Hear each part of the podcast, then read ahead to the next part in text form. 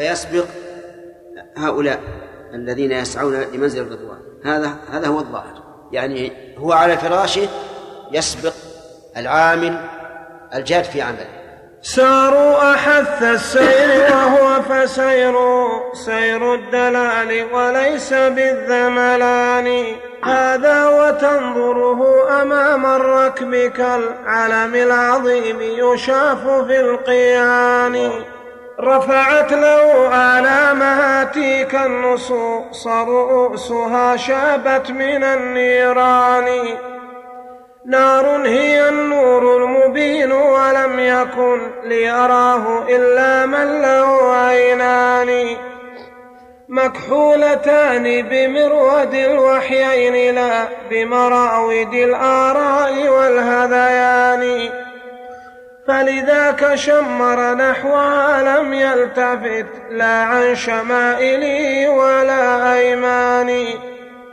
يا قوم لو هاجرتم لرأيتم آلام طيبة رؤية بعياني. ورأيتم ذاك اللواء وتحته رسل الكرام وعسكر القرآن. ورأيتم ذاك اللواء وتحته رسل الكرام وعسكر القرآن. أصحاب بدر والأولى قد بايعوا أزكى البرية بيات الرضوان. أصحاب بدر اطلع الله عليهم عز وجل وقال لهم اعملوا ما شئتم فقد غفرت لكم. وأصحاب بيعة الرضوان قال الله فيه فيهم لقد رضي الله عن المؤمنين إذ يبايعونك تحت الشجرة. فعلم ما في قلوبهم فأنزل السكينة عليهم وأتابهم فتحا قريبا. وأخبر النبي صلى الله عليه وسلم أنه لا يدخل النار أحد بايع تحت الشجرة. وكانوا ألفا وأربعمائة رجل رضي الله عنهم وأرضاهم وحشرنا معه وجمعنا وجمعنا في جنات النعيم. وكذا المهاجرة الأولى سبقوا كذا الأنصار أهل الدار والإيمان. والتابعون لهم بإحسان وسألك هديهم أبدا بكل زمان. لكن رضيتم بالأمان وابتليتم بالحظوظ ونصرة الإخوان.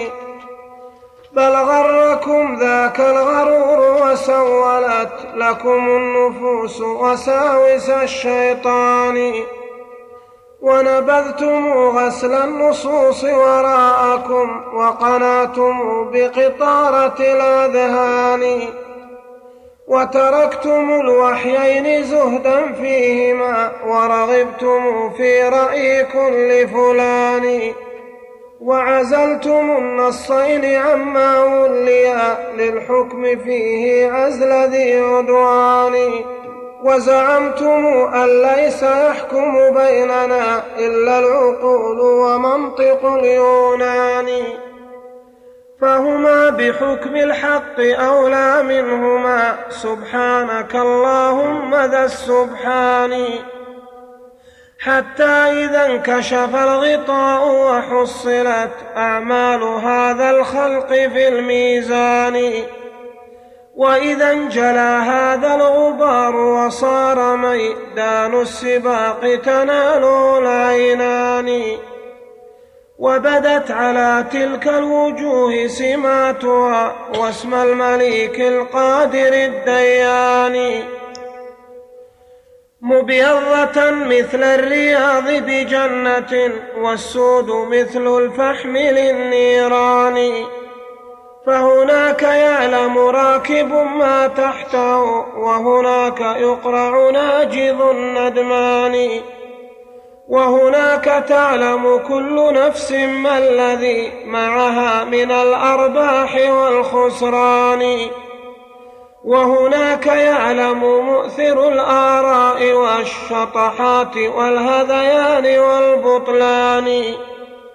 أي البضائع قد أضاع وما الذي منها تعوض في الزمان الفاني.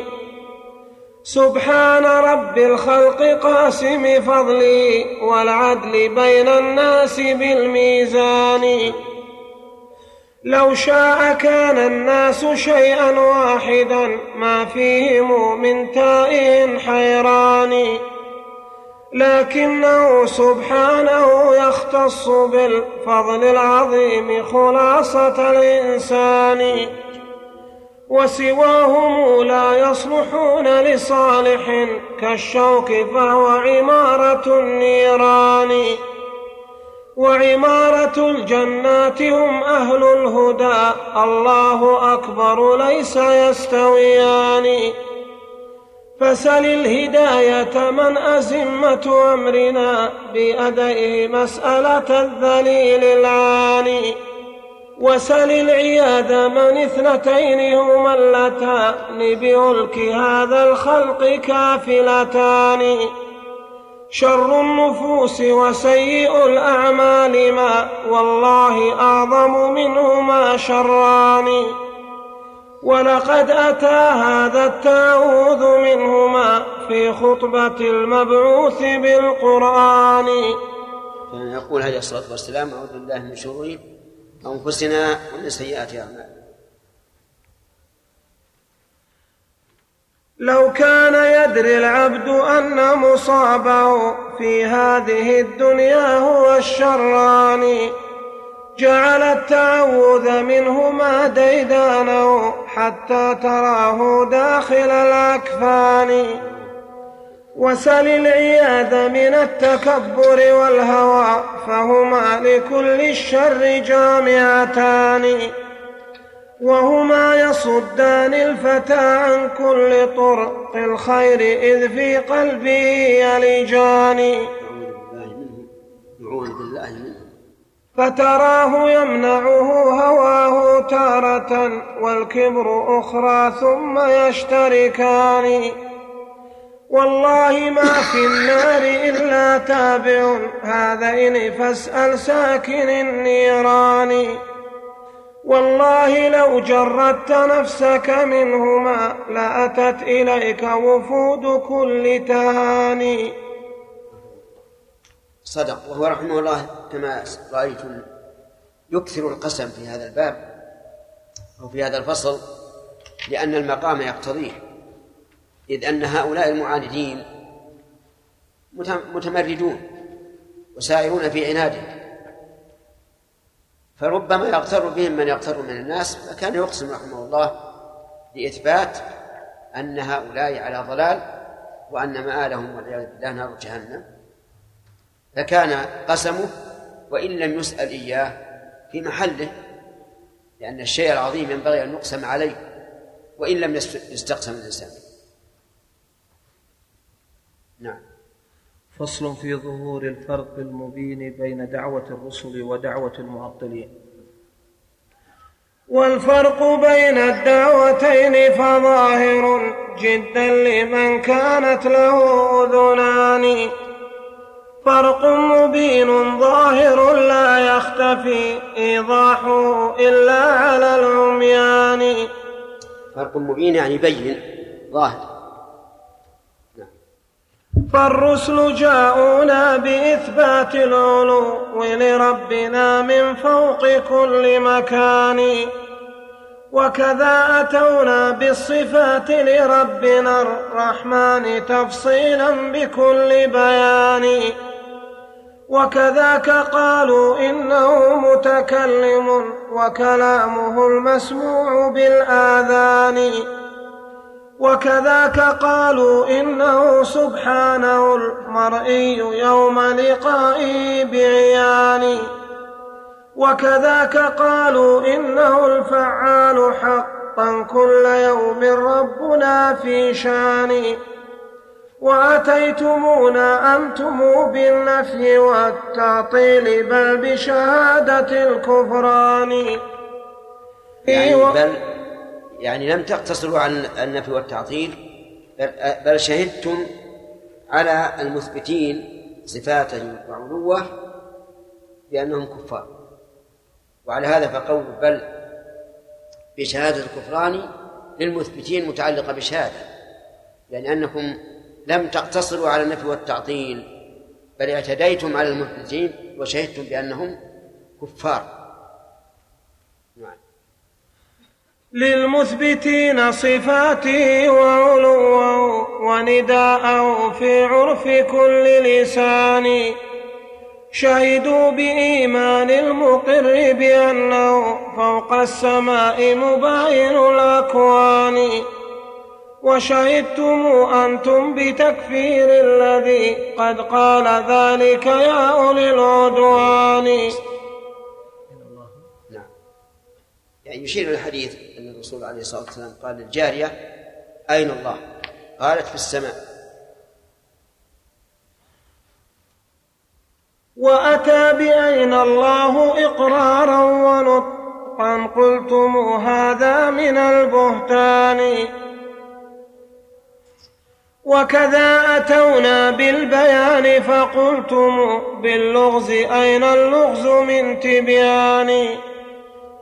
إذ كان مدلول الكلام ووضعه لم يقصدوه بنطقهم بلسان والقصد منه غير مفهوم به ما اللغز عند الناس إلا ذاني يا قوم رسل الله أعرف منكم وأتم نصحا في كمال بياني. أترونهم قد ألغزوا التوحيد إذ بينتموه يا أولي العرفان.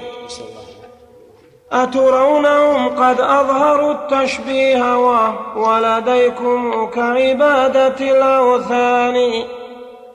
ولأي شيء لم يقولوا مثل ما قد قلتم في ربنا الرحمن.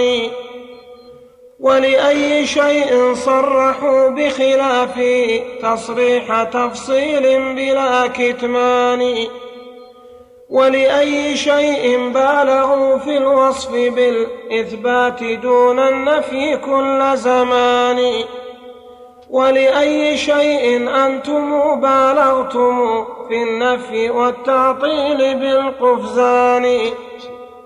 فجعلتم نفي الصفات مفصلا تفصيل نفي العيب والنقصان.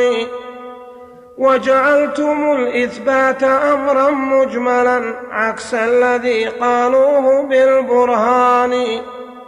أتراهم عجزوا عن التبيان واستوليتم أنتم على التبيان.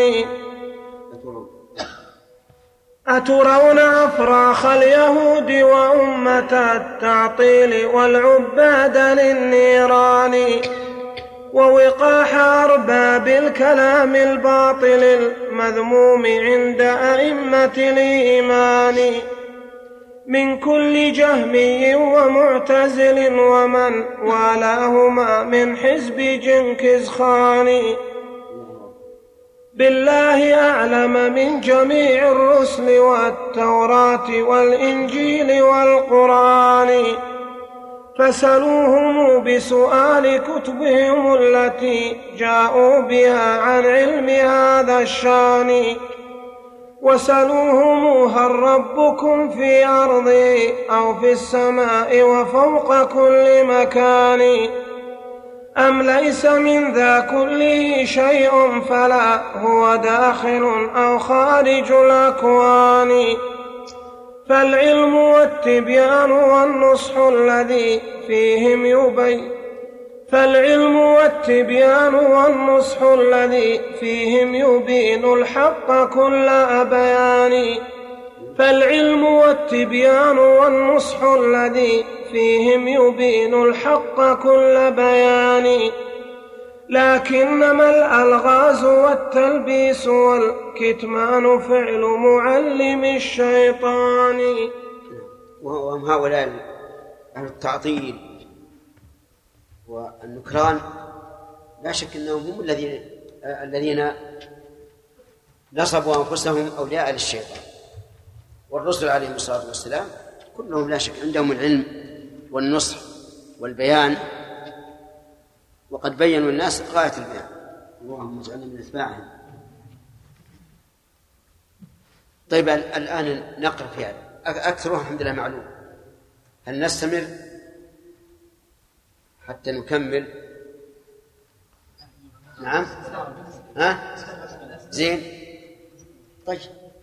فصل في شكوى أهل السنة والقرآن أهل التعطيل والآراء المخالفة لهما إلى الرحمن. يا رب هم يشكوننا أبدا ببغيهم وظلمهم إلى السلطان ويلبسون عليه حتى إنه لا يظنهم هم ناصر الإيمان. فيرونه البدع المضلة في قوالب سنة نبوية وقرآن. ويرونه الإثبات للأوصاف في أمر شريع ظاهر النكران فيلبسون عليه تلبيسين لو كشف له بعدهم بطعان.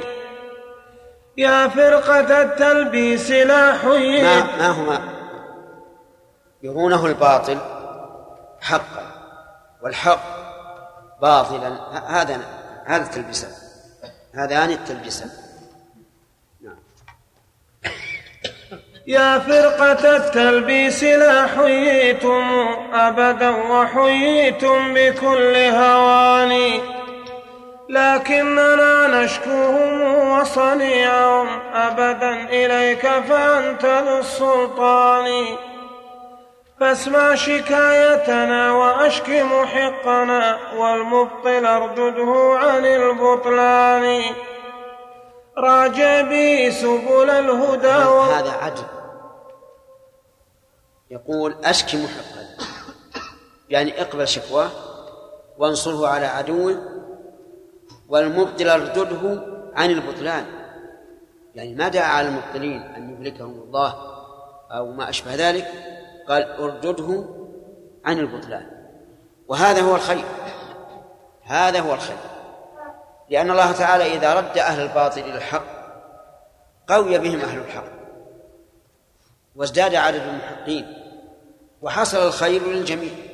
هؤلاء انكفوا عن باطلهم وهؤلاء ازدادوا بهم عددا وقوة.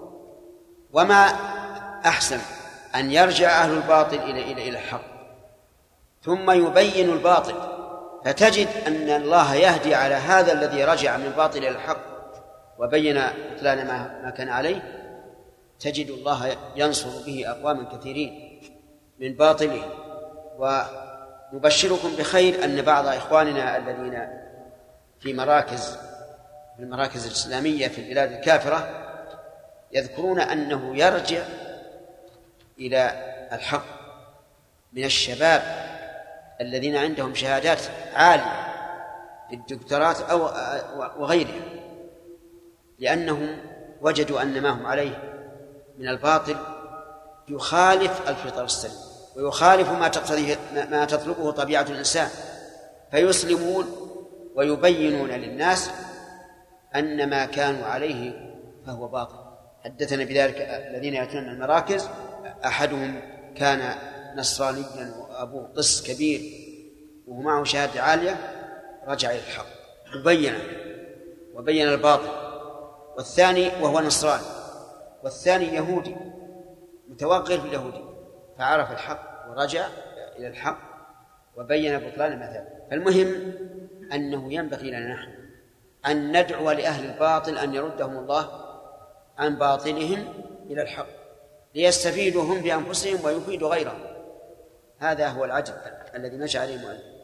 عكس ما يفعل بعض الجهال إذا رأوا من تمادى في الباطل قاموا يدعون عليه. فإذا قيل لهم ادعوا الله له في الهداية قالوا والله لا يهدي. كأنهم يستبعدون قدرة الله على هدايته. والله تعالى قادر على أن يهدي. أرأيتم أن من زعماء المسلمين في صدر الإسلام من كانوا من زعماء الكفر والشرك؟ راجع بي سبل راجع بي سبل الهدى والطف بي حتى تريه الحق ذا تبيان. وارحمه وارحم سعيه المسكين قد ضل الطريق وتاه في القيعان يا رب قد عم المصاب بهذه الآراء والشطحات والبهتان. أهل السنة يدعون لأهل البدعة بماذا؟ بالهداية إلى السنة وأن الله يرحمهم. أهل البدع بالعكس يدعون بأن يهلك الله أهل السنة. ويقضي عليهم ويدحرهم. وهذا هو الظلم والعدوان. هجروا لها الوحيين والفطرات والآثار لم يابوا بذا الهجران. قالوا وتلك ظواهر لفظية لم تغن شيئا طالب البرهان. فالعقل أولى أن يصار إليه من هذه الظواهر عند ذي العرفان. ثم ادعى كل بأن العقل ما قد قلت دون الفريق الثاني. هذا هو آه، أساس عقيدة المتكلمين أن يحكموا العقل. ثم ما العقل الذي يحكم؟ كل واحد يقول عقلي هو الصواب. وعقل الآخرين هو الخطأ. ادعى كل بأن العقل ما قد قلت دون الفريق الثاني. بأي عقل؟ نزن عقيدتنا التي نعتقدها في ربنا عز وجل بعقل فلان أو فلان أو نقف حائرين. يا رب قد حار العباد بعقل من يزنون وحيك فأت بالميزان. وبعقل من يقضي عليك فكلهم قد جاء بالمعقول والبرهان. يا رب أرشدنا إلى معقول من يقع التحاكم إننا خصمان. جاءوا بشبهات هذا على على سبيل التنزل من المؤلف رحمه الله وإلا فقد أرشدنا الله عز وجل. أرشدنا الله أن نأخذ بإيش؟ بما قال الله وقال الرسول. لكن هذا على سبيل التنزل يشبه المباهلة. أن يتقابل خصمان ويدعو كل واحد منهم على الآخر نعم على المبطل منهما. جاءوا بشبهات وقالوا إنها معقولة ببداية الأذهان.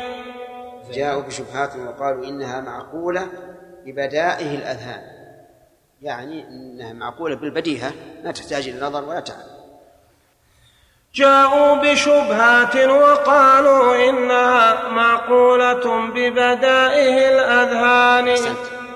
ببدائه الأذهان.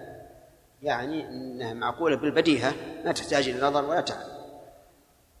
كل يناقض بعضه بعضا وما في الحق معقولان مختلفان. وقضوا بها كذبا عليك وجرأة منهم وما التفتوا إلى القرآن. يا رب قد أوهى النفاة حبائل القرآن والآثار والإيمان.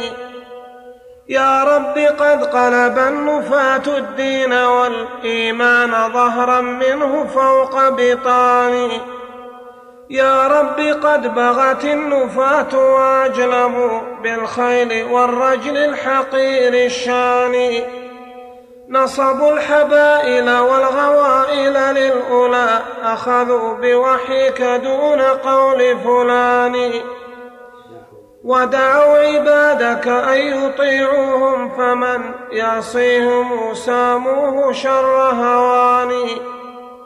وقضوا على من لم يقل بضلالهم باللعن والتضليل والكفران. وقضوا على أتباع وحيك بالذي هم أهله لا عسكر الفرقان. وقضوا بعزلهم وقتلهم وحبسهم ونفيهم عن الأوطان. وتلاعبوا بالدين مثل تلاعب الحمر التي نفرت بلا رسان. حتى كأنهم تواصوا بينهم. يوصي بذلك أول للثاني. هجروك الله عز وجل المكذبين للرسل قال أتواصوا به؟ بل هم قوم طاغون فتوافقت أقوالهم لتوافق إراداتهم. وهو وهي الطغيان والعياذ هجروا كلامك هجر مبتدع لمن قد دان بالآثار والقرآن. المبتدع يهجر من من دان بالآثار وربما يرى أنه أشد على الإسلام من اليهود والنصارى. يقول هم هجروا كلامك كهجر المبتدع لمن لمن دان بالآثار والقرآن. فكأنه فيما لديهم مصحف في بيت زنديق أخي كفراني أو مسجد بجوار قوم همهم في الفسق لا في طاعة الرحمن. وخواصهم لم يقرأوا تدبرا بل للتبرك لا لفهم معاني هؤلاء الخواص الذين في القمة يقرؤون القرآن لا للتبرك لا, لا لفهم المعنى ولا لاتباعه ولكن للتبرك به. فأين بركة القرآن من قوم لا يهتدون به؟ نعم. وعوام في السبع أو في ختمة أو تربة عوضا لذي الأثمان. هذا وهم حرفية التجويد أو صوتية الأنغام والألحان. يا رب قد قالوا هذه إشارة إلى هؤلاء الذين يعتنون بألفاظ القرآن وتجويده ونغماته الصوتية لكن ليس عندهم معنى. تجدهم في المعنى لا يلتفتون إليه لكن في التجويد يشتدون به. حتى إن الواحد منهم إذا أراد أن يقرأ يتكلم ويحمر وجهه ويكون عليه الشبح من شدة ما يعالج من أجل أن يطبق قواعد التجويد. مع أن تطبيق قواعد التجويد ليس بواجب. إذ أن التجويد غاية ما فيه أنه من باب تحسين اللفظ فقط. وقد مضى أربعة أكثر من أربعة عشر قرنا. كل أناس يأتون يدخلون تحسينا آخر غير الأولين. حتى وصلت الحال إلى ما وصلت. والعجب ممن يقول كل من لم يقرأ بالتجويد فهو آثم. يعني لو أخذنا بهذا القول لكان عامة المسلمين تسعين في المئة كلهم آثمون. بأي, بأي كتاب؟ بأي إذا كان القرآن نزل على سبعة أحرف أي سبع لغات في الأول ثم جاء على حرف واحد كل ذلك تيسير على العباد. فكيف نؤثم المسلمين تسعين في المئة منهم لأنهم لم يطبقوا التجويد. القول يجب أن الإنسان إذا أراد أن يقول قولا أن ينظر ماذا يلزم على هذا القول قبل أن يتكلم به. فالصحيح أن التجويد إذا لم يصل إلى حد العنت والمشقة فهو من الأمور المستحبة فقط لأنه من باب تزيين القرآن. أما أن يقال إنه واجب وأن من لم يقرأ به آثم فلا. هنا يقول ابن القيم رحمه الله هذا وهم حرفية التجويد. يعني يجيدون القرآن و وأحرفه أو صوتية الأنغام والألحان. يأتون بالقرآن بالصوت والنغمات الجميلة لكنهم لا يفهمون. قراءات مقولة بالسر. نعم. نعم. وهكذا قرأ النبي صلى الله عليه وسلم أو من أقرأه النبي صلى الله عليه وسلم هذا غلط. ما هو صحيح أبدا. كل قوم دخلوا تحسينات ولذلك الآن نفس الذين يقرؤون التجويد يختلفون. ما هم كلهم على وتيرة واحد على القراء. أيوة. طيب. كم بينهم بينها الآن؟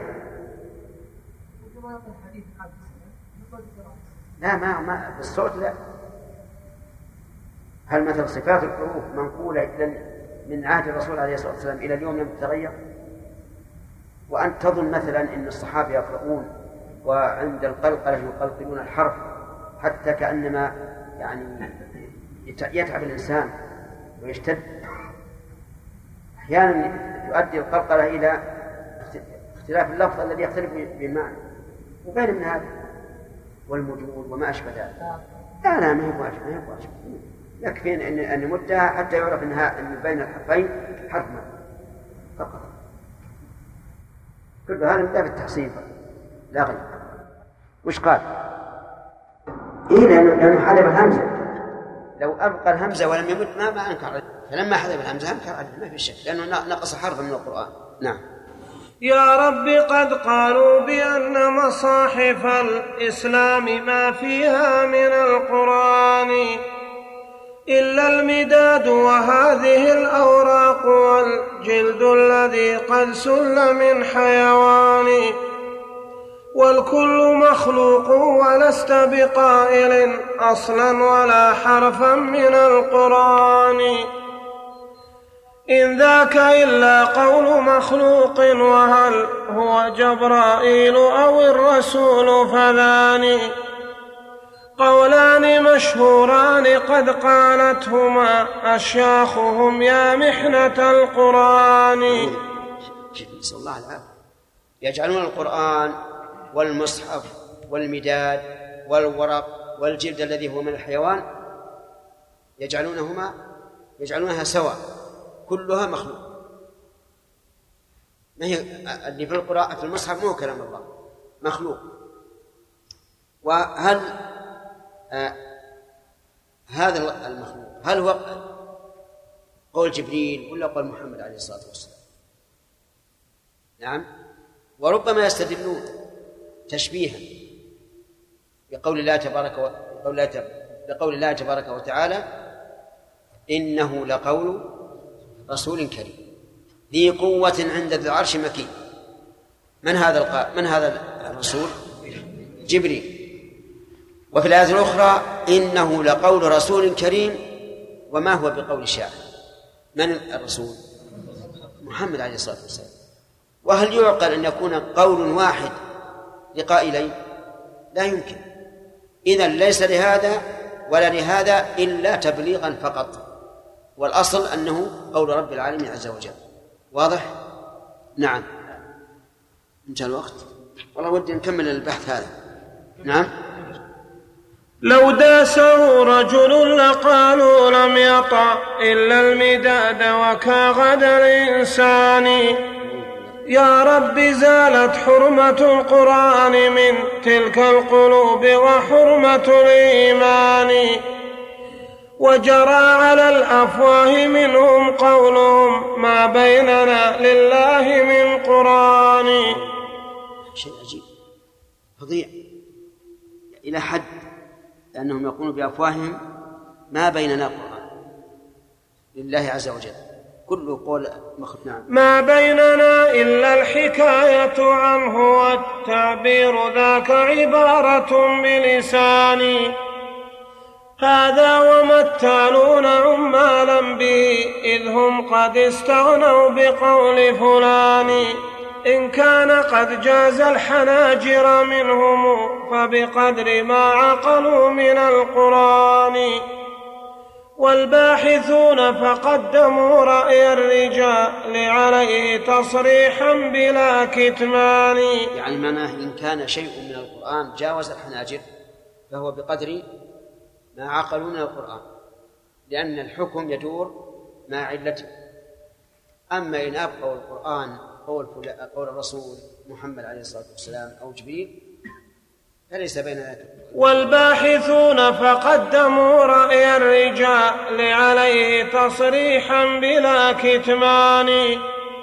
عزلوه إذ ولوا سواه وكان ذاك العزل قائدهم إلى الخذلان. قالوا ولم يحصل لنا منه يقين فهو معزول عن الإيقان. إن اليقين قواطع عقلية ميزانها هو منطق اليونان. يعني أنتم هل فهمتم الآن أن هؤلاء لا يرون الدليل فيما يتعلق بأسماء الله وصفاته هو القرآن والسنة؟ وش يرونه؟ العقل. وقاعدتنا أن ما وافق العقل قبلناه لأن العقل أثبته. وما خالف العقل نفيناه ولو كان في الكتاب والسنة لأنه مخالف العقل. وما لم وما لم يقتضي العقل إثباته ولا نفيه. فمنهم من توقف فيه وأكثرهم نفوه فالذين توقفوا قالوا لأنه لا ليس هناك دليل. والواجب الوقف. والذين نفوا قالوا لابد من دليل إيجابي من العقل يثبت هذا الشيء. هذا يعني ابن القيم وشيخ الإسلام قبله ما كذبوا عليه. هذا هو هذه عقيدته. المسألة خطيرة جدا.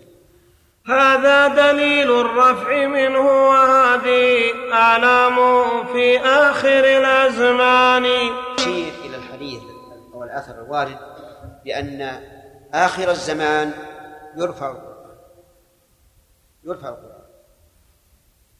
وذلك فيما إذا هجره الناس ولم يعملوا به لم يبق لبقائه في الأرض فائدة. بل لا يزيد بقاؤه بقاؤه في الأرض إلا امتهانا له. ولهذا إذا لم يعظم أهل مكة مكة سلط الله في آخر الزمان من؟ يهدم الكعبة حجرا حجرا حتى يلقيها في البحر مع أن الله عز وجل حماها من أصحاب الفيل لأنه سبحانه وتعالى يعلم أنه سيأتي الزمن الذي يعظم فيه هذا البيت. أما إذا انتهكت عظمة البيت فإنه سوف يسلط عليه من يهدمه حتى لا يبقى بيت الله بين أقوام يمتهنون. وهذا من غيرة الله سبحانه وتعالى. على بيته وعلى كلامه أن الناس إذا لم يعملوا بكلام الله رفع وإذا لم يعظموا البيت هدم ونقل ابن القيم رحمه الله يقول هذا دليل الرفع منه. وهذه أعلامه في آخر الأزمان. كم له ميت الآن؟ يا رب من أهله حقا كي يرى أقدامهم منا على الأذقان. من أهله حقا كي يرى أقدامهم منا على الأذقان. إيش الأذقان؟ جمع ذقن يعني أن أقدامنا على على وجوههم وذلك بعزتنا عليهم وإهانتهم نعم. أهله من لا يرتضي منه بديلا فهو كافيهم بلا نقصان. وهو الدليل لهم وهاديهم إلى الإيمان والإيقان والعرفان. هو موصل لهم إلى درك اليقين حقيقة وقواطع البرهان.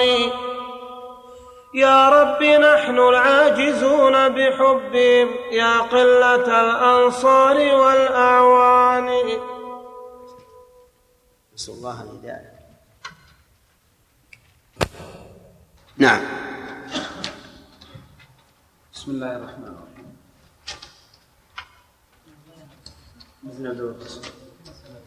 فصل في أذان. فصل في أذان أهل السنة الأعلام بصريحها جهرا على رؤوس منابر الإسلام.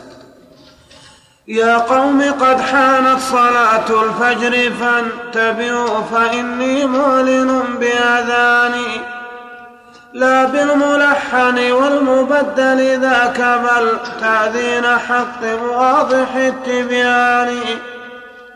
وهو الذي حق الإجابة على كل امرئ فرض على الأعيان. الله أكبر أن يكون كلامه العربي مخلوقا من الأكوان. من قال بهذا؟ من قال إن القرآن مخلوق؟ الجهمية والمعتزلة. يقولون إنه إن كلام الله مخلوق. كما خلق الشمس والقمر والثريا وغيرها. وعلى هذا فهو مخلوق على صورة معينة نقوش ما في أمر ولا في نهي. انتبهوا لخطر هذا القول. كان كثير من الطلبة لا يدرون ماذا يترتب على هذا. يترتب عليه أنه إن كتب فهو نقش منقوش. علامة السكون دائرة وعلامة الضمة دائرة مع اليمين. وهلم جر؟ إن سمع فهو مجرد أصوات مخلوقة كما يسمع الرعد.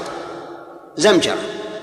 إذا أمر ونهي ما في أمر ونهي أقم مثل السبتون كلها نقوش فقط.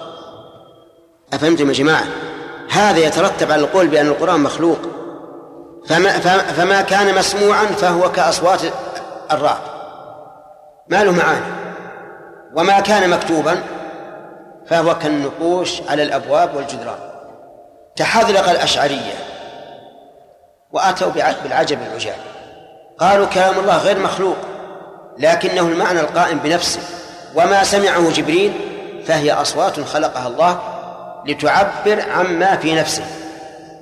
إذن اتفق المعتزلة والأشعرية على أن ما نقرأه في هذا المصحف مخلوق. لكن الأشعرية قالوا هو عبارة عن كلام الله. والمعتزلة قالوا هو كلام الله. فصاروا أشجع من الأشعرية.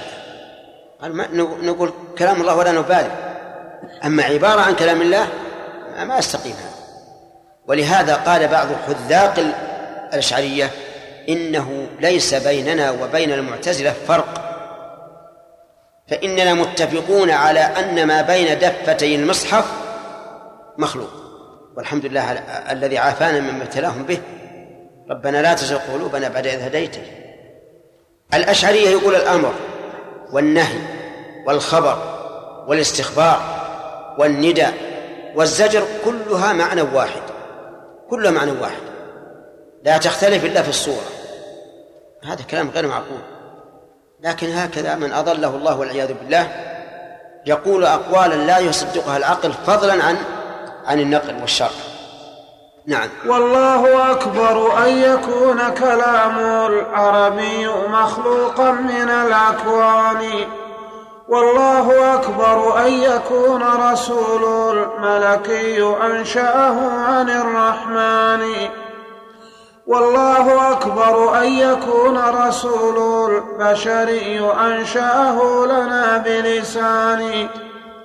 الرسول الملكي جبريل عليه الصلاة والسلام وقد أضافه الله إليه في قوله إنه لقول رسول كريم ذي قوة عند ذي العرش مكين. الرسول البشري هو محمد صلوات الله وسلامه عليه. وقد أضافه الله إليه في قوله إنه لقول رسول كريم وما هو بقول شاعر. فالله أكبر أن يكون كلام الله هو كلام جبريل أو كلام الله هو كلام محمد صلى الله عليه وسلم. هذه مقالات لكم يا أمة التشبيه ما أنتم على إيمان. شبهتم الرحمن بالأوثان في عدم الكلام وذاك للأوثان. مما يدل بأنها ليست بآلهة وذا البرهان في القرآن. في سورة الأعراف مع طه وثالثا فلا تعدل عن القرآن. نعم. الأوثان ما تنطق. ولهذا استدل إبراهيم على قومه بأنها أوثان لا تنفع بقوله فاسألوهم إن كانوا ينطقون. فهم شبهوا الرحمن عز وجل بالأوثان. قالوا إن الله لا ينطق ولا يمكن أن ينطق بل كلامه مخلوق. اللهم عافنا. اللهم لا تزغ قلوبنا بعد نعم. أفصح أن الجاحدين لكوني متكلما بحقيقة وبيان هم أهل تعطيل وتشبيه معا بالجامدات عظيمة النقصان. يعني هم عطلوا الله عن الكلام وشبهوا شبهوا الله بإيش؟ بالجمادات. فجمعوا بين التعطيل والتشبيه. لا تقذفوا بالداء منكم شيعة الرحمن أهل العلم والعرفان. إن الذي نزل الأمين به على قلب الرسول الواضح البرهان. هو قول رب اللفظ والمعنى جميعا إذ هما أخوان مصطحبان. لا تقطعوا رحما تولى وصلها الرحمن تنسلخ من الإيمان. ولقد شفانا قول شاعرنا الذي قال الصواب وجاء بالإحسان. إن الذي هو في المصاحف مثبت بأنامل الأشياخ والشبان. هو قول ربي آيه وحروفه ومدادنا والرق مخلوقان. هذا قول القحطاني رحمه الله في النونية القحطانية. وهي معروفة مشهورة. يقول رحمه الله القحطاني إن الذي هو في المصاحف مثبت بأنامل الأشياخ والشبان يعني بكتابتهم. هو قول ربي آيه وحروفه ومدادنا يعني الحبر والرق يعني ما يكتب عليه من جلد أو غيره مخلوقات. إذن عندنا مكتوب ومقروء. ومكتوب به ومكتوب فيه وقارئ. كل هذه يجب أن نفرق بينها. المكتوب المقروء غير مخلوق هو قول الله عز وجل. والمكتوب به وهو القلم والمداد مخلوق. والمكتوب فيه وهو الرق والورق مخلوق. والكاتب والقارئ مخلوق. والصوت صوت القارئ إيش؟ مخلوق. واللفظ لفظ القارئ مخلوق. والملفوظ به غير مخلوق. والمسموع غير مخلوق. نعم. والله أكبر من على العرش استوى لكنه استولى على الأكوان. والله هذا المؤلف رحمه الله يقول استوى على العرش يعني أعلى عليه. أما استولى ما يقال استولى على العرش يقال استولى على الأكوان كلها. كل الأكوان كل من سوى الله فالله تعالى مستول عليه. مالك له قاهر له مدبر له كيف يشاء. فهؤلاء القوم الذين فسروا استوى بالسولاء لم يفرقوا بين العرش والفرش. أسفل الدنيا وأعلى الكون عندهم على حد سواء كله استولى عليه الله فضلوا وأضلوا. نعم. والله أكبر ذو المعارج من إليه تعرج الأملاك كل أوان والله أكبر من يخاف جلاله أملاكه من فوقهم ببيان. والله أكبر من غدا لسريره الطنب كالرحل للركبان.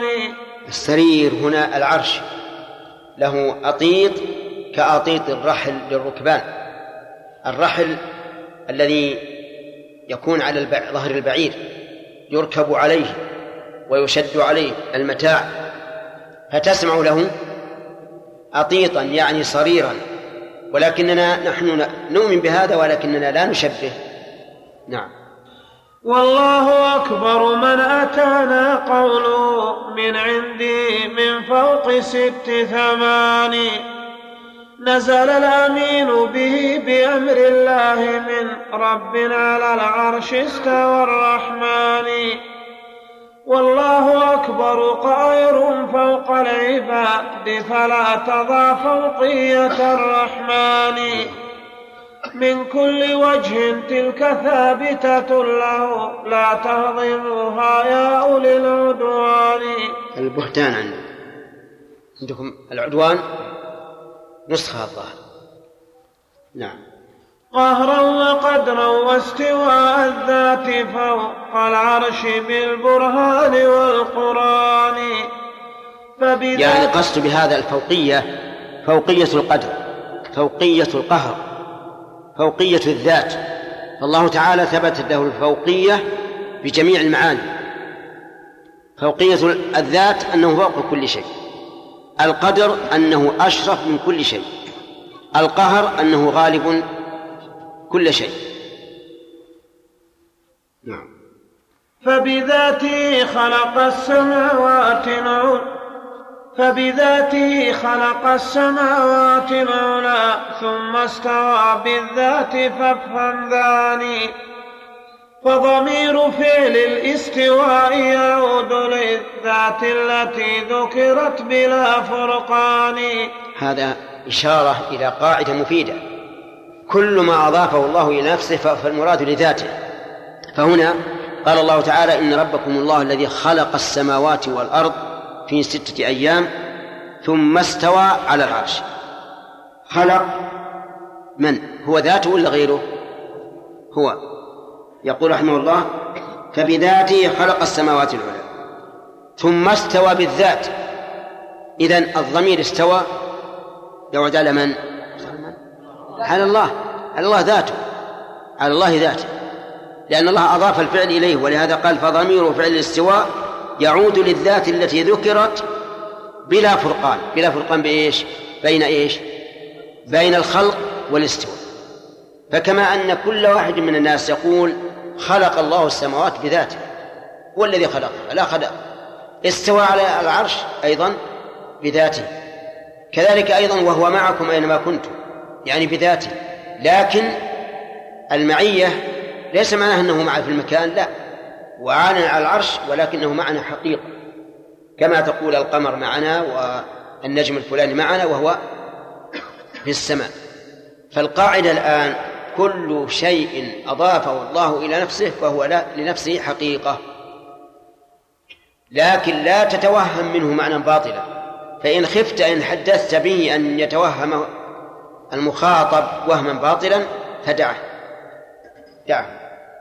لا تكلف نفسك أو تشوش على غيره. فالقاعدة هذه ذكرها هو ابن القيم رحمه الله في مختصر الصواعق المرسلة. وأكثر من الأمثلة. الدالة على أن الشيء إذا أضيف إلى الله فهو له حقيقة بذاته. نعم. هو ربنا هو خالق هو مستو بالذات هذه كلها بوزان. والله أكبر ذو إن ربكم الله الذي خلق السماوات والأرض في ستة أيام في ستة أيام ثم استوى على العرش. كل الثلاث الضمائر تعود إلى الله عز وجل. والله أكبر ذو العلو المطلق المعلوم بالفطرات للإنسان. فعلوه من كل وجه ثابت. فالله أكبر جل ذو السلطان. والله أكبر من رقى فوق الطباق رسوله فدنا من الديان. وإليه قد عرج الرسول حقيقة. لا تنكر المعراج بالبهتان. المعراج يعني ما يعرج به. ورسولنا صلوات الله وسلامه عليه أسري به إلى بيت المقدس وعرج به إلى السماوات العلى في ليلة واحدة وجاوز السبع الطباق حتى وصل إلى مكان سمع فيه صريف الأقلام. لم يبلغه أحد في من المخلوقين في منابه وخاطب الله عز وجل وكلم الله ودنا منه. ويقول ابن القيم ودنا إليه الرب ذو الإحسان. كل هذا حقيقة لا مراء فيه. أما الإسراء فهو في قوله تعالى سبحان الذي أسرى بعبده ليلا من المسجد الحرام إلى المسجد الأقصى. وأما المعراج ففي قوله تعالى والنجم إذا هوى. ما ضل صاحبكم وما غوى وما ينطق عن الهوى إن هو إلا وحي يوحى. علمه شديد القوى ذو مرة أي هيئة حسنة فاستوى أي على وهو بالأفق الأعلى. ثم دنا فتدلى يعني جبريل فكان قاب قوسين أو أدنى. فأوحى أي جبريل إلى عبده أي إلى عبد الله ما أوحى. هذه كلها آيات المعراج. وليس هذا موضع بسطها وإلا ففيها عبر. يقول الله عز وجل فيها ما كذب ما زاغ البصر وما طغى ويقول ما كذب الفؤاد ما رأى. سبحان الله الإنسان لو يرى أدنى أدنى أدنى شيء من هذه الآيات زاغ بصره وقام يلتفت يمين وشمال. ما هذا؟ لكن محمدا صلى الله عليه وآله وسلم ما زاغ بصره وما طغى. ما تجاوز لكمال أدبه. وحسن خلق عليه الصلاة والسلام وثبات جأشه. كذلك الفؤاد. ما قال هذه خيالات هذه أوهام هذه أحلام. أبدا. ما كذب ما رأى. بل ما رآه فهو حقيقة اطمأن إليه القلب وبصر به وعرف به. هؤلاء ينكرون المعراج. يقولون الله عز وجل ليس في السماء. أين المعراج؟ لا شيء. ولهذا يقول لهم الغيم وإليه قد صعد الرسول حقيقة لا تنكر المعراج بالبهتان. نعم. ودنا من الجبار جل جلاله ودنا إليه الرب ذو الإحسان. والله قد أحصى الذي قد قلت في ذلك المعراج بالميزان. قلتم خيالا أو أكاذيبا أو المعراج لم يحصل إلى الرحمن. أعوذ بالله إن كان ما فوق السماوات العلى رب إليه منتهى الإنسان.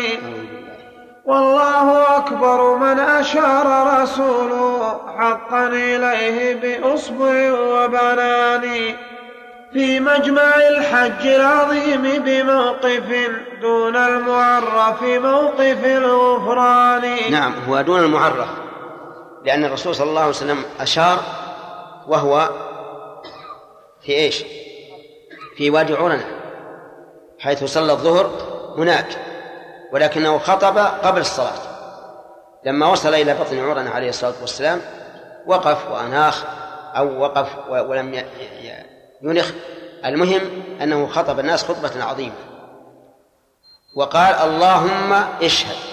يرفع أصبعه إلى السماء وينكتها إلى الناس. اللهم اشهد. هذا الموقف دون المعرف لأن لأن بطن عورنة ليس ليس من عرب. نعم. نعم. من قال منكم من أشار بإصبع قطعت فعند الله يجتمعان. أعوذ بالله. هذا قاله منكر العلو. قالوا أي إنسان يقول الله في السماء يجب أن يقطع أصبع؟ سبحان الله. يعني على هذه القاعدة محمد رسول الله صلى الله عليه وسلم نعم وحاشاه يجب أن يقطع أصبعه.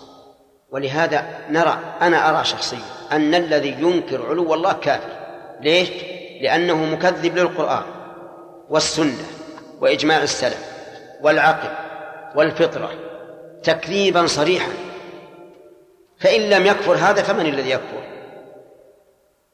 سبحان الله. أدلة عظيمة كلها قاطعة. أشد من الشمس ظهورا ثم تنكر. نعم إذا كان الإنسان جاهلا تابعا لأئمة الضلال ولا يدري عن الحق فهذا يعذر. كما دلت على ذلك آيات كثيرة وأحاديث. لكن بعد ما تبين لا يمكن أن ينكر. إذا تبين الحق فلا عذر لأحد. يقول يقول من قال منكم من أشار بأصبع قطعت فعند الله يجتمعان. من الذي يجتمعان؟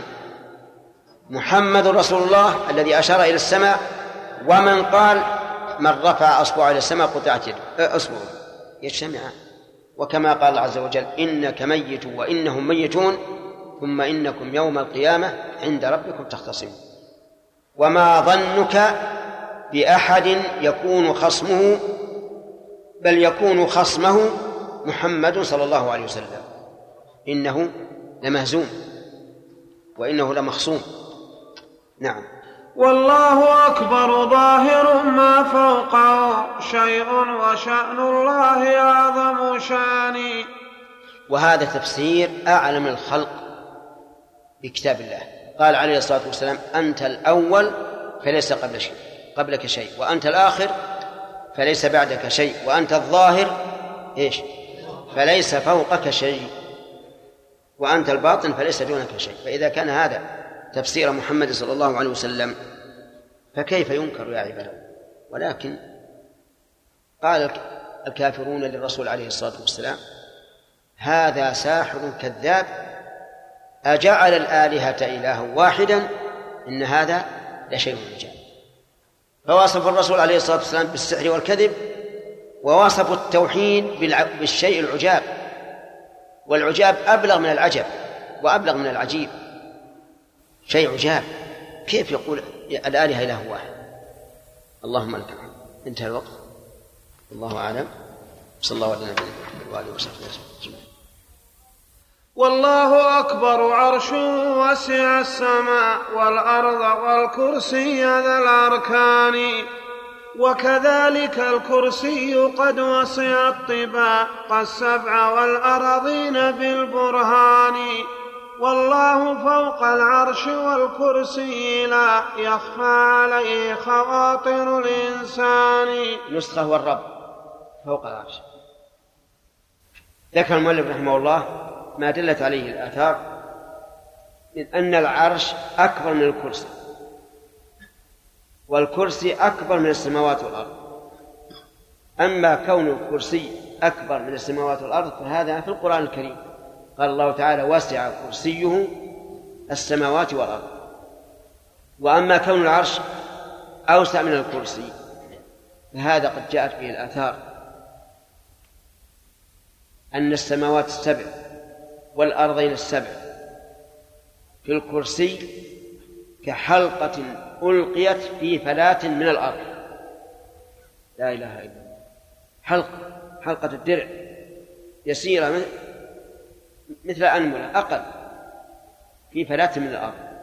نسبة هذه الحلقة إلى فلاة من الأرض ليس بشيء.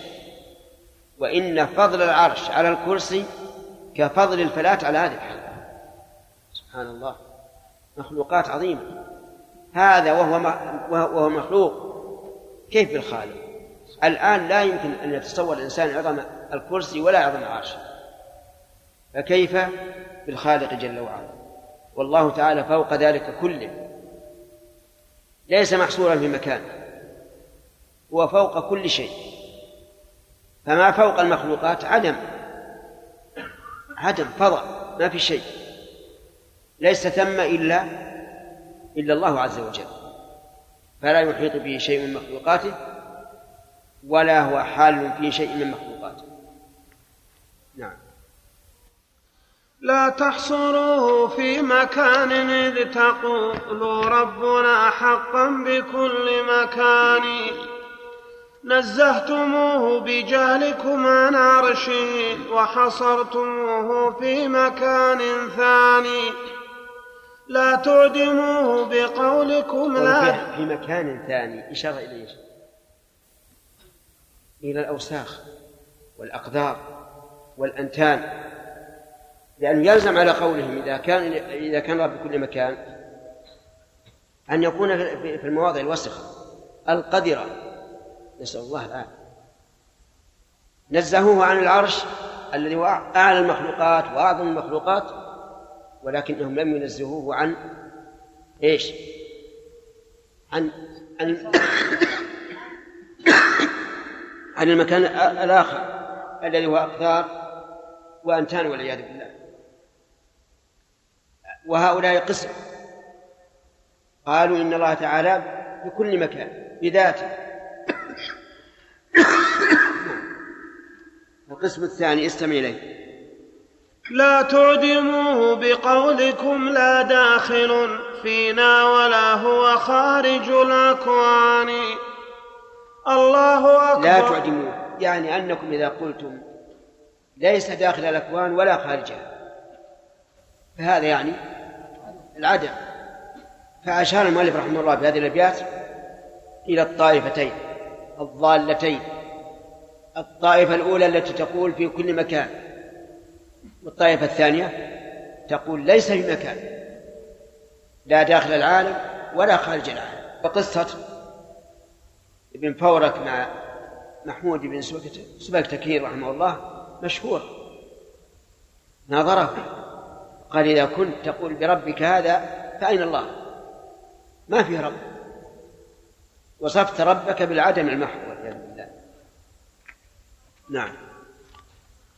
الله أكبر هتكت أستاركم وبدت لمن كانت له عينان.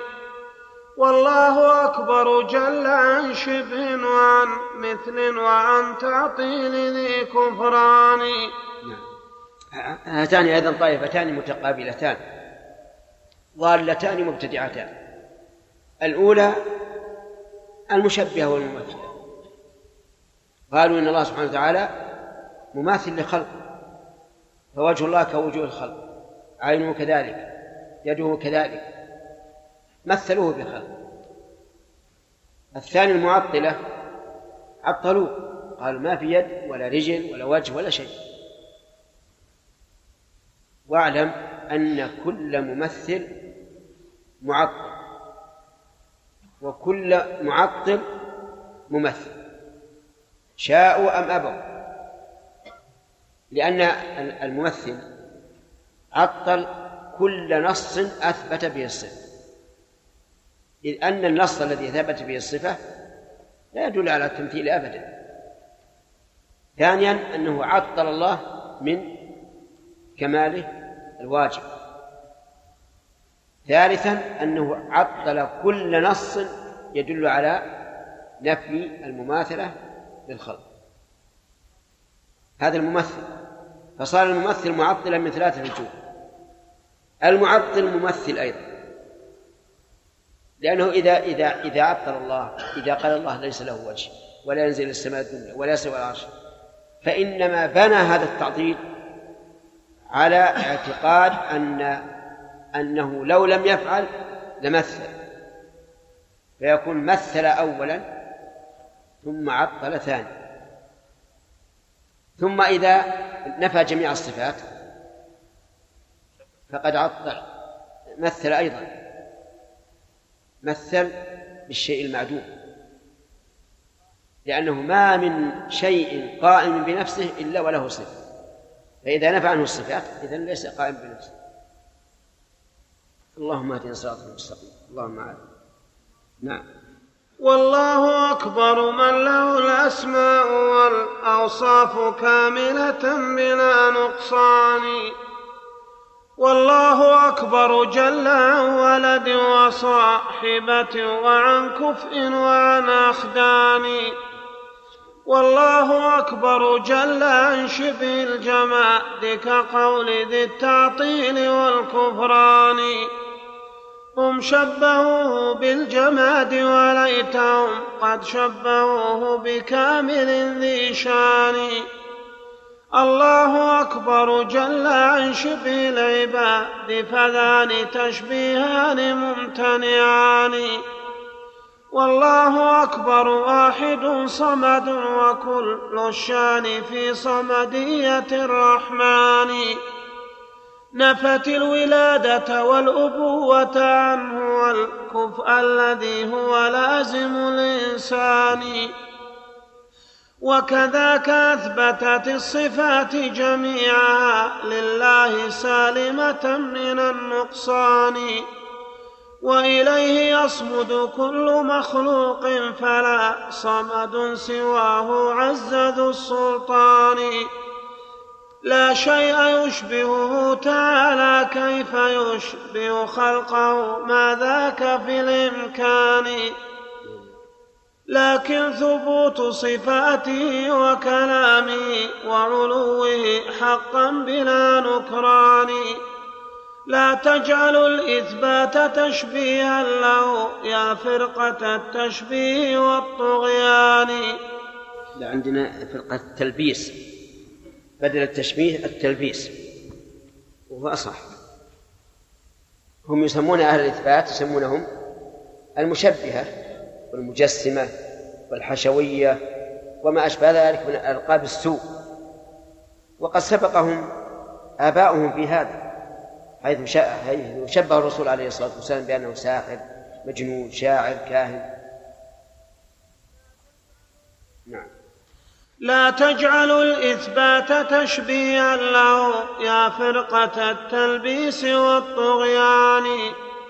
كم ترتقون بسلم التنزيه للتعطيل ترويجا على العميان. يعني هم يدعون بتعطيلهم أنهم منزهون فيرتقون بهذا السلم إلى التعطيل ترويجا على العميان. فالله أكبر أن تكون صفاته كصفاتنا جل العظيم الشان. هذا هو التشبيه لا إثبات أوصاف الكمال فما هما سيان. نعم. أي لأن لأن حجابه النور كما جاء في الحديث الصحيح. أن الله سبحانه وتعالى حجابه النور لو كشفه لأحرق الصبحات وجيء من إليه بصره من خلق ما أدري ما أدري. المسؤولية عليك أنت الذي ذكرت نعم اسماء الله عز وجل هذا من أوصاف. من أوصافه أنه طبيب كل داء.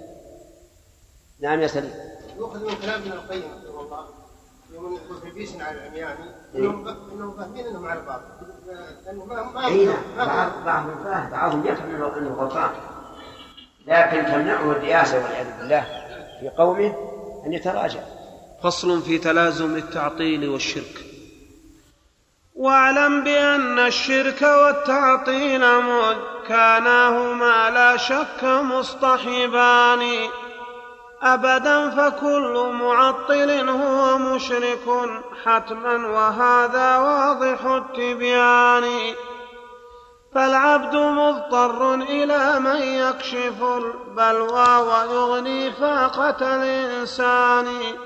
وإليه يصمد في الحوائج كلها وإليه يفزع طالبا لامان فإذا انتفت أوصافه وفعاله وعلوه من فوق كل مكان فزع العباد إلى سواه وكان ذا من جانب التعطيل والنكران فمعطل الأوصاف ذاك معطل التوحيد حقا ذان تعطيلان قد عطلا بلسان كل الرسل من نوح إلى المبعوث بالقرآن.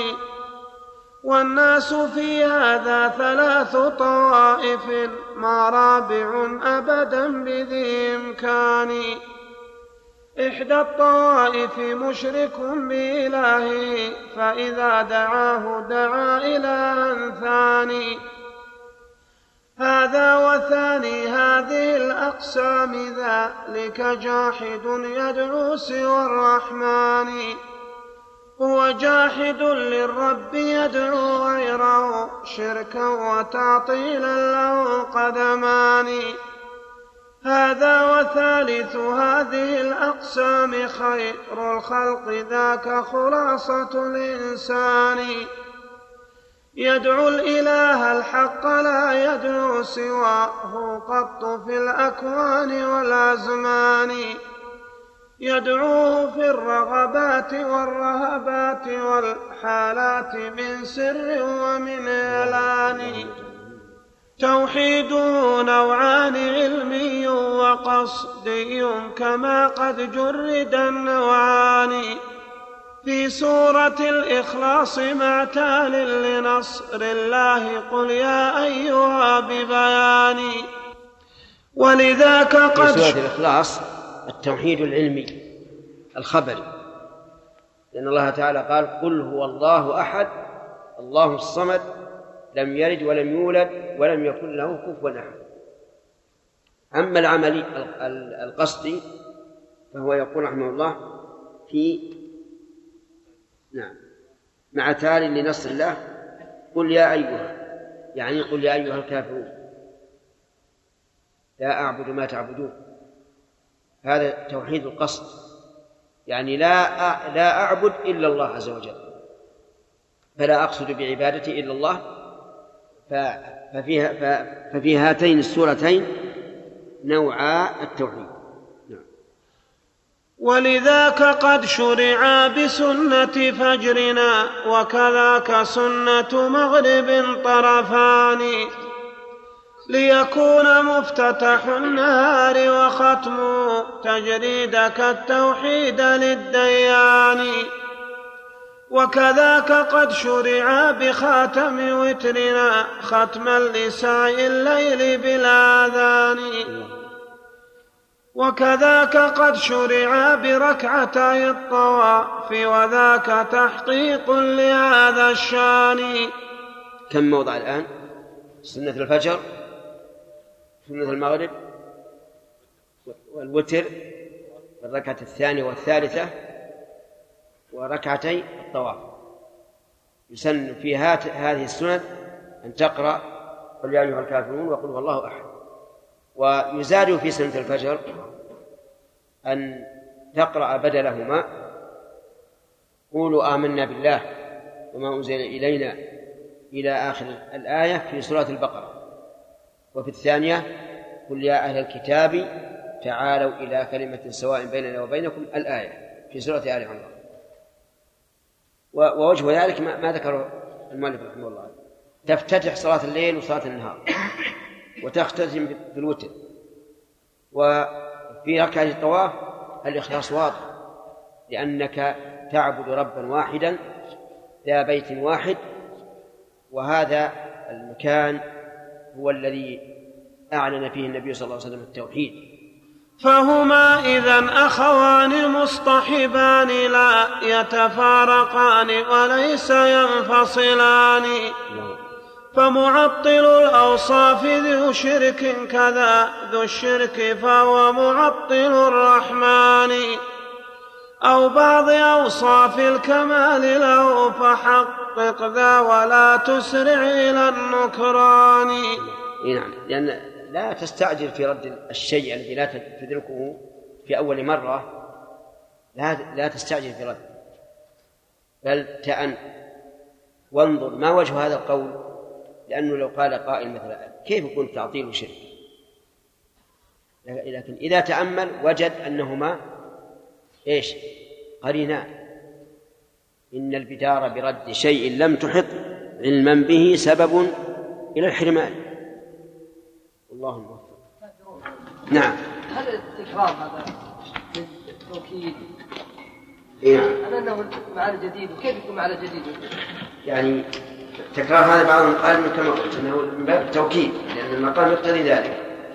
وبعضهم قال ان الأول للمعبود والثاني للعباد. يعني لا أعبد الذي تعبدونه والثاني لا أعبد عبادته. فيختلف موضع النفي. نعم. بعضهم يقول أن يسن في الفجر وورد آخر النهار قراءة الكافرون. إيش؟ في الورد؟ يعني في الصلاة؟ ما ما أعلم قدر في في في الضبع. نعم. جعل في الضبع شاة نعم. اشكال عليه يعني الضبع هو حيوان مفترس وحتى لا يترك الناس اذا وجد يعني أنك تقول كيف صارت الضبع حلال كذا؟ طيب. من الذي يحلل ويحرم من؟ ها؟ الله ورسوله.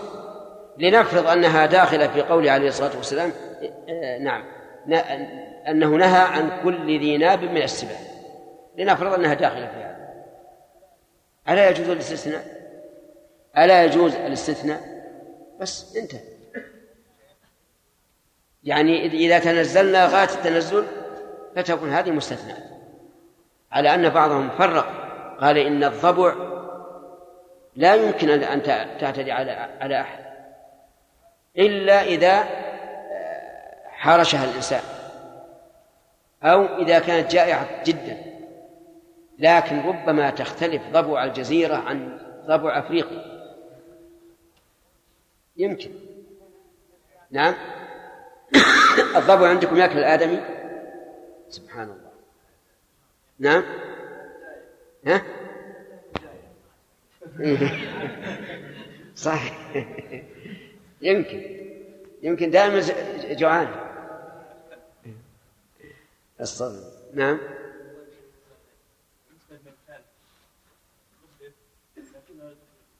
إيش؟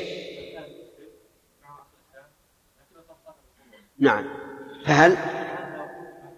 لا لا. هذا مسلم. ما معفون عنه. وأيضا الطواف القبور ليس ليس شركا. دعاء القبور هو الشرك. أما الطواف بالقبور فهو بدعة لا شك. ما لم يعتقد أنه يتقرب إلى هذا الميت بهذا الطواف فيكون صرف عبادة لغير الله. أما مجرد الطواف مثلا بالقبر إما جهلا مع الناس أو عاطفة مثلا يحبه ويطوف حول قبره فهذا يعتبر بدعة فيه خلاف لأنه اجتمع المانع والموجب. فستجد فيها خلاف. انتهى الوقت. فصل في بيان أن المعطل شر من المشرك. لكن أخو التعطيل شر من أخ الإشراك بالمعقول والبرهان. إن المعطل جاحد للذات أو لكمالها هذان تعطيلان. متضمنان القدح في نفس الألوهة كم بذاك القدح من نقصان. والشرك فهو توسل مقصوده الزلفى من الرب العظيم الشان. بعبادة المخلوق من حجر ومن بشر ومن قبر ومن أوثان فالشرك تعظيم بجهل من قياس الرب بالأمراء والسلطان. ظنوا بأن الباب لا يغشى بدون توسط الشفعاء والأعوان الآن ابن القيم رحمه الله يقرر أن المعطل شر من المشرك وجه ذلك أن المعطل جاحد إما للصفات وإما للذات إما للصفات التي بها كمال الذات وإما للذات.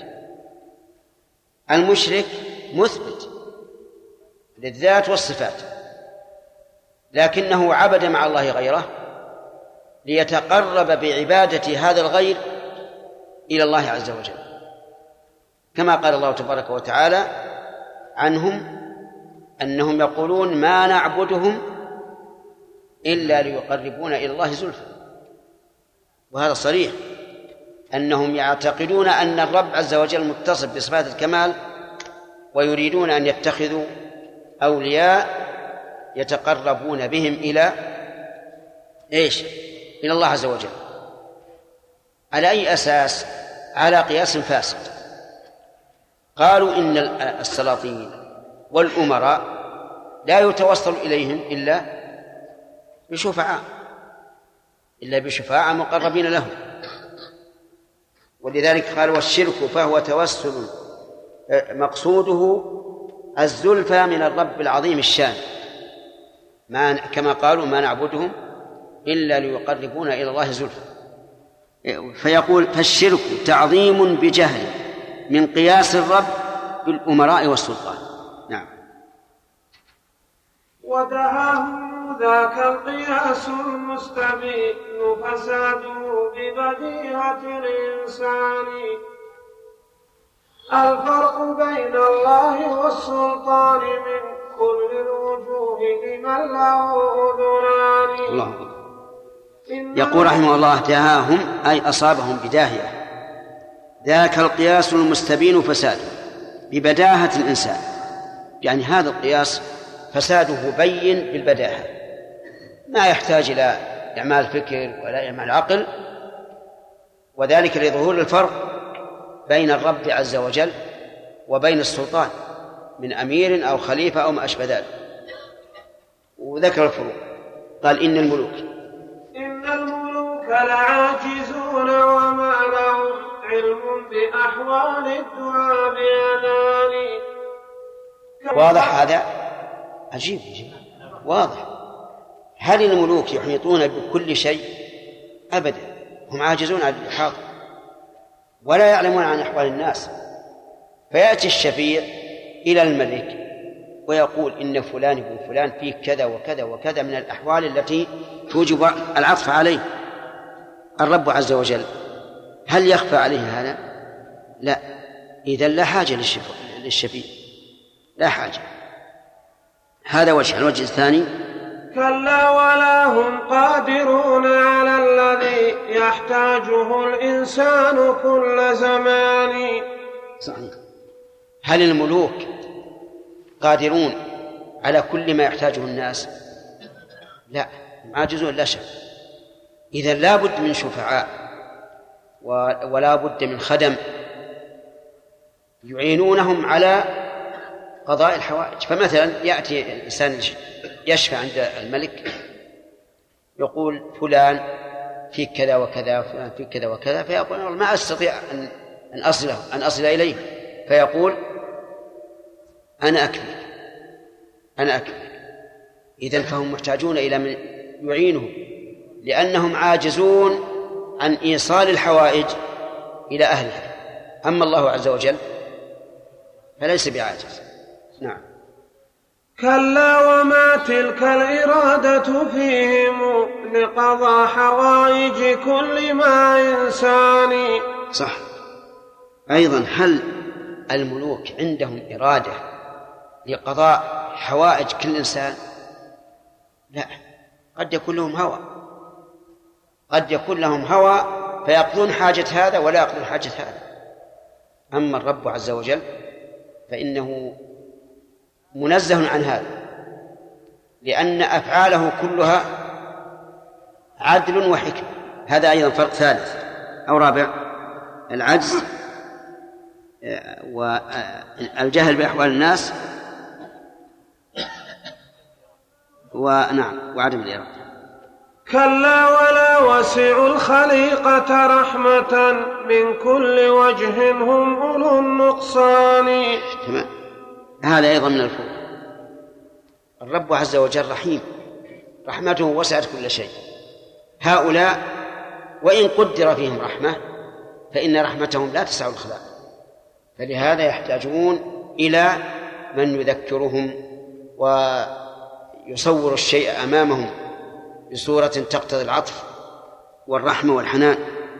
فلذلك احتاجوا إلى تلك الوسائط حاجة منهم مدى الأزمان أما الذي هو عالم للغيب مقتدر على ما شاء ذو إحسان وتخاف الشفعاء ليس يريد منهم حاجة جل العظيم الشان بل كل حاجات لهم فإليه لا لسواه من ملك ولا إنسان. وله الشفاعة كلها وهو الذي في ذاك يأذن للشفيع الداني. لمن ارتضى ممن يوحده ولم يشرك كما قد جاء في القرآن. سبقت شفاعته إليه فهو مشفوع إليه وشافع ذو شان. فلذا أقام الشافعين كرامة لهم ورحمة صاحب العصيان. أفادنا المؤلف رحمه الله أن الشفاعة عند الله لا تكون إلا بإذن الله. لماذا؟ لأن الشفاعة يخافونه ملوك الدنيا قد يدخل الإنسان إليهم آه، ضغطة ويشفع. أذن أم لم يأذن. أليس كذلك؟ طيب هذه أيضا الشفاعة عند الله عز وجل. لا تكون إلا لمن ارتضى. فلا بد من إذن ولا بد من رضا عن المشفوع له. بأن يكون أهلا للشفاعة. فأما المشرك فلا يشفع له. ولا أحد من المشركين نعلم أنه شفع له وقبلت شفاعته إلا واحدا وهو أبو طالب. فإن الله سبحانه وتعالى قبل شفاعة النبي صلى الله عليه وسلم فيه لا لأنه عمه ولكن لأنه أستى خيرا إلى الرسول عليه الصلاة والسلام ونصره ودافع عنه. فجازاه الله عز وجل أن أذن لرسوله صلى الله عليه وعلى آله وسلم أن يشفع له. ولكن هذه الشفاعة لم تنقذه من النار بل خفف عنه حتى كان في ضحضاح من نار عليه نعلان يغلي منه دماغه أعوذ بالله. وإلا من المعلوم أن المشركين لا لا يمكن أن يدعو الله بالشفاعة فيه. كما قال عز وجل فما تنفعهم شفاعة الشافعين. أيضا لا يمكن أن يشفع لمن لا لمن لا يرضاه هو. يعني بمعنى أن الشافع لا بد أن يكون أيضا مرضيا عند الله عز وجل. فلا يمكن أن يأذن لكافر أن يشفع لأحد. لأنه إذا كان الكفر مانعا في المشفوع له ففي الشافع من باب أولى. نعم. طيب الشفاعة. يقول رحمه الله الشفاعة كرامة ورحمة. كرامة لمن؟ للشافع إن الله تعالى أكرمه وقبل شفاعته. ولهذا سمى الله عز وجل شفاعة الرسول عليه الصلاة والسلام المقام المحمود. وهذا إكرام من الله له. فالشفاعة تتضمن إكرام الشافع وتتضمن أيضا رحمة المشفوع له نعم فلقد فلذا أقام. فلذا أقام الشافعين كرامة له ورحمة صاحب العصيان. فالكل منه بدا ومرجعه إليه وحده ما من إله ثاني. سبحانه. غلط المولى جعلوا الشفاعة من سواه إليه دون الإذن من رحمن. الأولى يعني الذين. هذه شفاعة كل ذي شرك فلا تعقد عليها يا أخ الإيمان والله في القرآن أبطلها فلا تعدل عن الآثار والقرآن. وكذا الولاية كلها لله لا لسواه من ملك ولا إنسان. والله لم يفهم أولو الإشراك ذا ورآه تنقيصا أولو النقصان.